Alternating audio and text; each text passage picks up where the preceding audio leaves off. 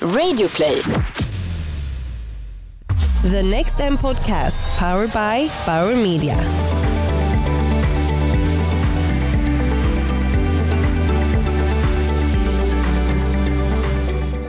Välkommen till NextMs podcast som produceras tillsammans med Bauer Media. Jag heter Martin Hugosson och är VD på medianätverket Group M. I den här podden får du träffa såväl internationella inspiratörer som nationella specialister inom marketing och tech. Jag sitter nu i Bauer Medias studio och framför mig har jag Jessica Lauretti som är Global Head på RYOT Studio. Welcome Jessica, thank you for being with us. Thank you so much for having me. It's such a delight to be here. Great.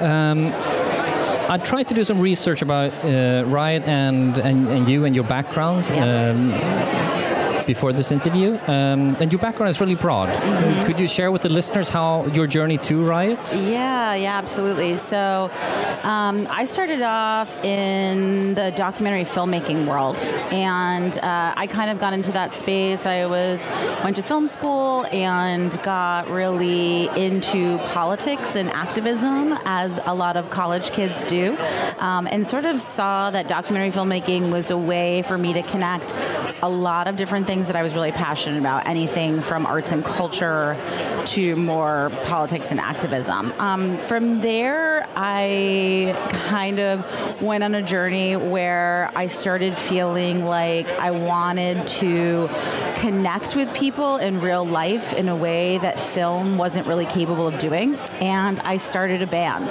So uh, my brother and I started a band called This Frontier Needs Heroes. We started a record label. We released three albums and toured all around the world. And I did that for many, many years. Um, and then at some point, I was like really, really broke, and I needed a job really, really badly. Um, and a friend of mine was working at Vice in Brooklyn, and uh, connected me with some folks there, and they were about to launch uh, their music channel, Noisy. So because I had been in a band and had made a bunch of music videos and had been a part of the music community, um, I was kind of a natural fit for that, and so started working there, and that's kind of how I got my start and break into media. And that was right when Vice was still kind of small, but really just about to kind of take off. Um, from there, I ended up um, quitting twice, maybe three times, but who's counting? And um, then I got a job at a small startup called Purpose that was working in the social impact space. And what they were really focused on doing was thinking about how you could take activism and the theory of bottom up power and how that moves and works, and then applying that to advertising campaigns and to business goals, and really putting that kind of ethos into the heart of companies and corporations. We did a lot of work for the United Nations, for um, Gates Foundation, all the major philanthropies, um, and that's actually how I met the founder of RYOT was through that work. I was working on something for the Obama campaign, and the production company I hired was like, "You got to meet these RYOT guys. They're exactly like."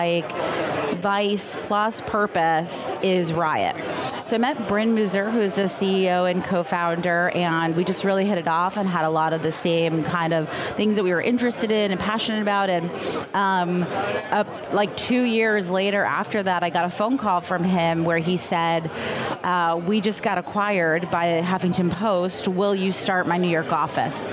Um, and so that's how I got to RYOT. That's a fantastic story. it's a really long story. I'll I'll tell it again later today. So, what do you do at RYOT? Not you specifically, but as a company, what does RYOT yeah, do? so RYOT was founded about five years ago. It began as a startup media company founded by two documentary filmmakers and humanitarians who were working on the ground in Haiti after the earthquake. So, kind of through that experience of making documentaries on the ground, they saw this white space to start a media company that connected news to action. So, the initial idea that they launched with out of Los Angeles was how do we put together, it's like a hybrid tech media company that connects like an algorithm of breaking news with an algorithm of places that you could donate, volunteer, perhaps sign a petition, uh, learn more about the history of certain issues. Um, just connect you to more information and make the news more participatory and less uh, kind of depressing and hopeless. Um, over the years, they went through many iterations. They got kind of obsessed with democratization of media. They would give the tools of production to people all over the world, let them tell their own stories, publish on their platform.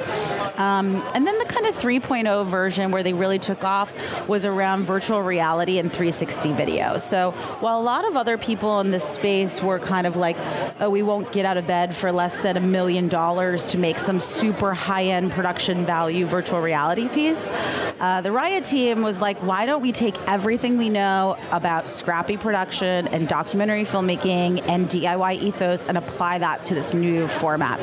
Um, and it worked. It worked really well. And so they saw a huge success. They made like 50 films in 50 countries around the world. They just kind of wanted to be ravenous about learning and failing fast and just figuring it out. Um, and then they were acquired by Huffington Post. So our initial mandate was to be the 316 news arm of Huffington Post, um, and that's kind of when I started. Is what we were doing. So we were doing breaking news coverage, editorial news coverage, all in this new format. Um, not too long after that, uh, Huffington Post, which is owned by AOL, um, the CEO of AOL, Tim Armstrong, kind of saw what we were doing and and pulled us out of Huffington Post and asked us to build the quote unquote creative studio of the future and really think about how we could take our expertise in both premium content, documentary filmmaking, as well as innovation and new formats and bring that to our clients around the world. So that is now um, the launch of RYOT Studio. And so AOL is owned by Verizon. Verizon acquired Yahoo. They merged all of those properties together into a new company that's called Oath. And so we are the, uh, the global award winning creative studio for all of Oath. Cool. So, does the VR and 360 technique in your mind make it possible to tell different stories or create different type of content? Yeah, I mean, it's like in some ways it's just another tool in the toolkit, and I think it really should be used as that. It's not going to like solve all of our problems in terms of communication or reaching people, but it's just another way to do that, and it does have pretty distinct qualities to it. Um, people talk about it creates a sense of presence. Some people describe it's like where it transports you to another world. Um, it helps you see and connect with things in a way that you can't in linear video, especially in the social impact space, which is where you know RYOT kind of grew out of it. We saw that I think the first film that they made was in Nepal after the earthquake, and they brought the film back and showed it to a bunch of people at the United Nations, and people took the headsets off and were crying. These are like people who see this kind of content all the time, but are like really, really moved by the difference of standing there, kind of seeing it all around you is can be pretty profound. So I think there is certainly like a time and a place where um, it makes a lot of sense.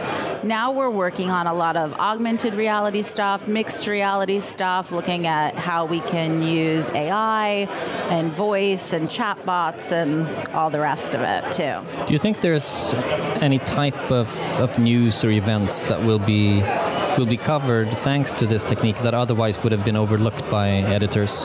Hmm. That's a really good question.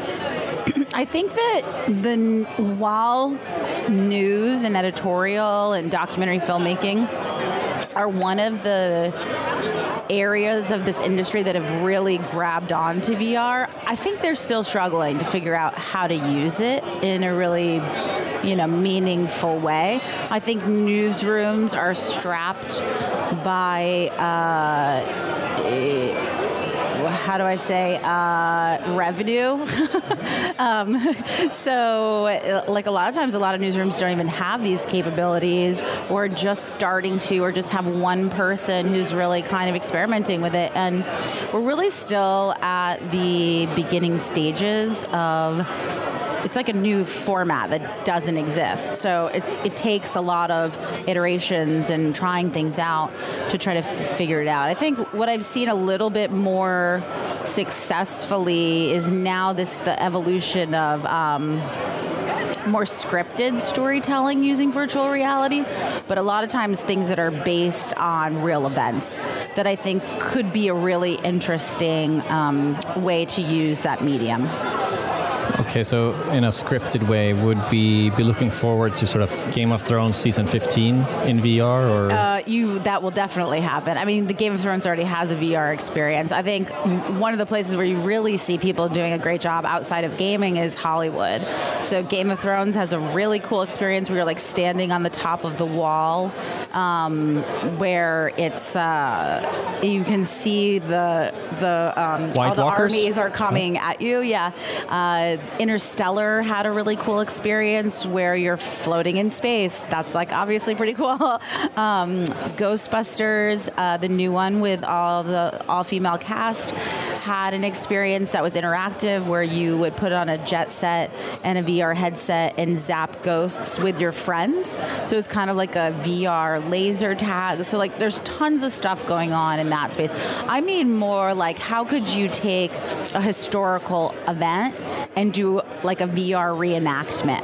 That I think could be very moving and interesting and profound and like a way that you would never be able to, you know, think about some of the famous battles of World War II or even some uh, more recent kind of like terrorist attacks in London and things like that.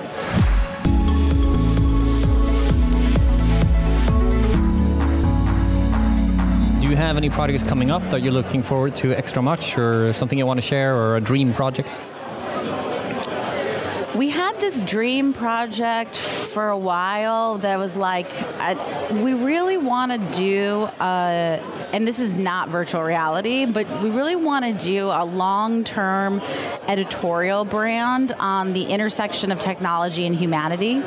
I think that there's a lot of people talking about technology and innovation and new formats and all of these things, but there's not enough people talking about like what does it mean to civilization? What does it mean to society? What are some of the hard questions and conversations and discussions that need to have around those?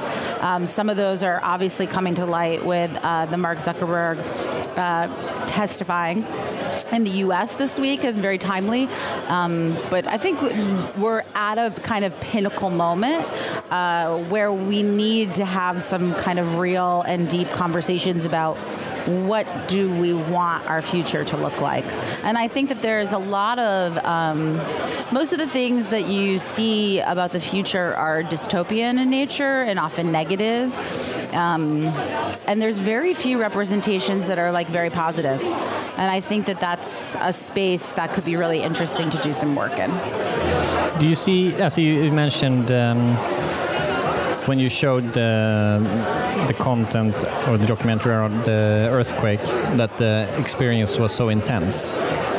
Do you see an increased responsibility in how you portray stories, such, since the viewers are moved more by them? Yeah. Um, I don't know if I would say it's an increased responsibility, but it's definitely, uh, you definitely think about the approach to the craft a lot differently.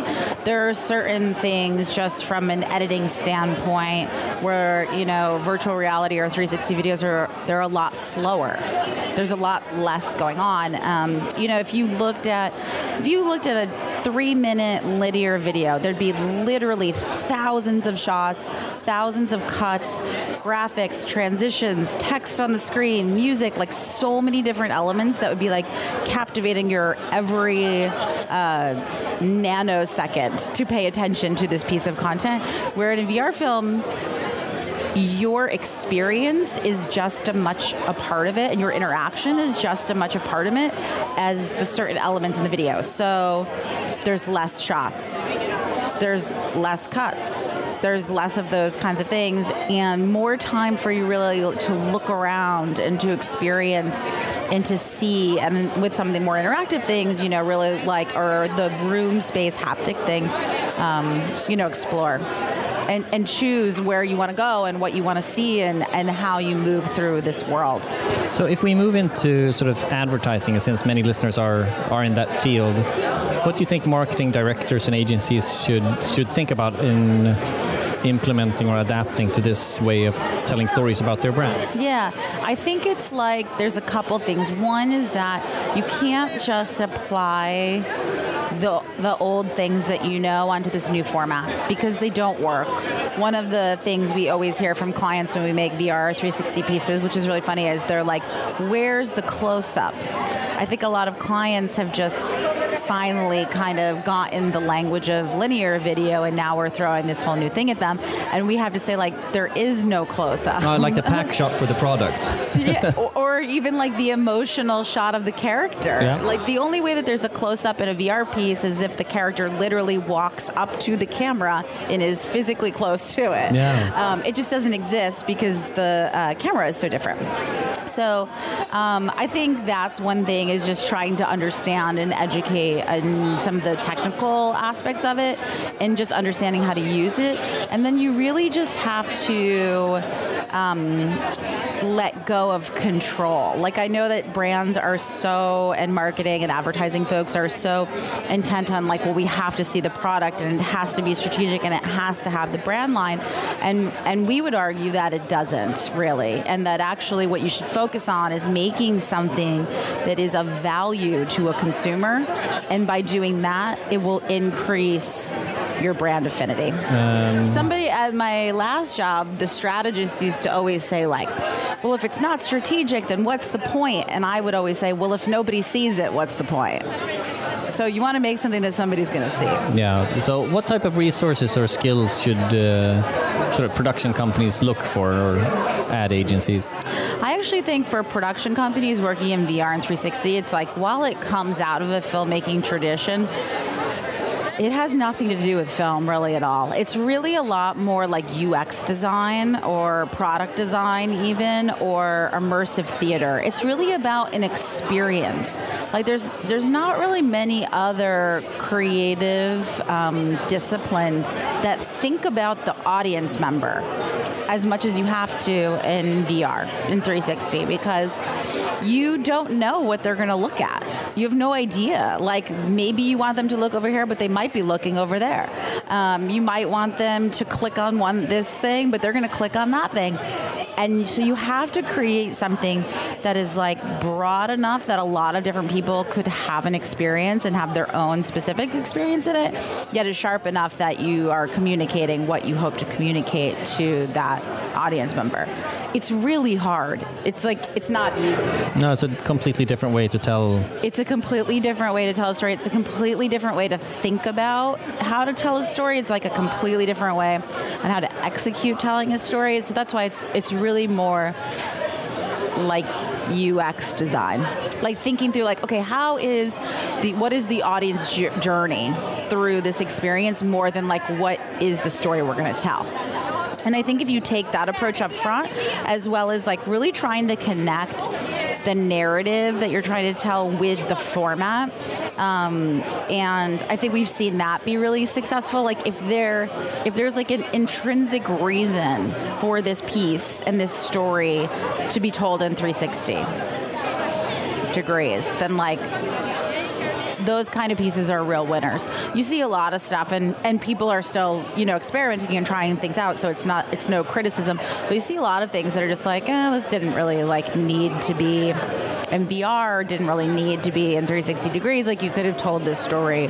Um, some in in in another format. Um, so I would just really push people to think creatively. I mean, it's like this is a, not a really huge, like existential opportunity to be a part of creating something that literally doesn't exist. It's like magic. Um, so that I think is like very exciting for us, and I and I hope would be very exciting for other folks as well. How different are the viewers that you have viewed your films or productions for, in where they focus their uh, attention span or attention? Do they it's always look at the same thing, or is it very diverse? It depends on how much experience folks have typically. So, like, what we'll see a lot when we're demoing stuff for people who have maybe never seen VR before, maybe like once or twice, they'll put on the headset, they'll look really slightly to the right, and then they'll look really slightly to the left, and then they'll like take it off. I think that people are still like kind of afraid of it or don't feel comfortable with it. And so that's another thing that you have to really think about when you're making this kind of stuff is like we have to make sure that people feel comfortable in being transported to a new world. You have to help them, like really prompt them. Like we usually tell people, like don't forget, like you look up, look down, look behind you, and then when you do that, they go, oh, whoa, oh my god, right? Like, but it's it's not always um, intuitive for them to do so. So again, that's part of like connecting the concept and the narrative into that 360 to really motivate people to look and move and feel free and feel safe and feel comfortable in an environment um, that is not where they are actually in the present, which is pretty weird. I mean, I've seen some stuff that's like horror VR, and it's like very scary and not for me. I can imagine that it becomes really intense. I was like, I do not like this, but I also don't like scary movies at all. So, but I guess it's a, a technology that enhances horror movies a lot, but Yeah. a comedy isn't that much more humorous. no, I mean, it, it could be. And I think there's a lot of stuff people are doing around like interactivity with comedy that's like a very funny, like cool use of it. Um, but yeah, again, it's just like finding the right stories to tell. Thank you so much for joining us in, in the pod and at NextM. Thank you so much.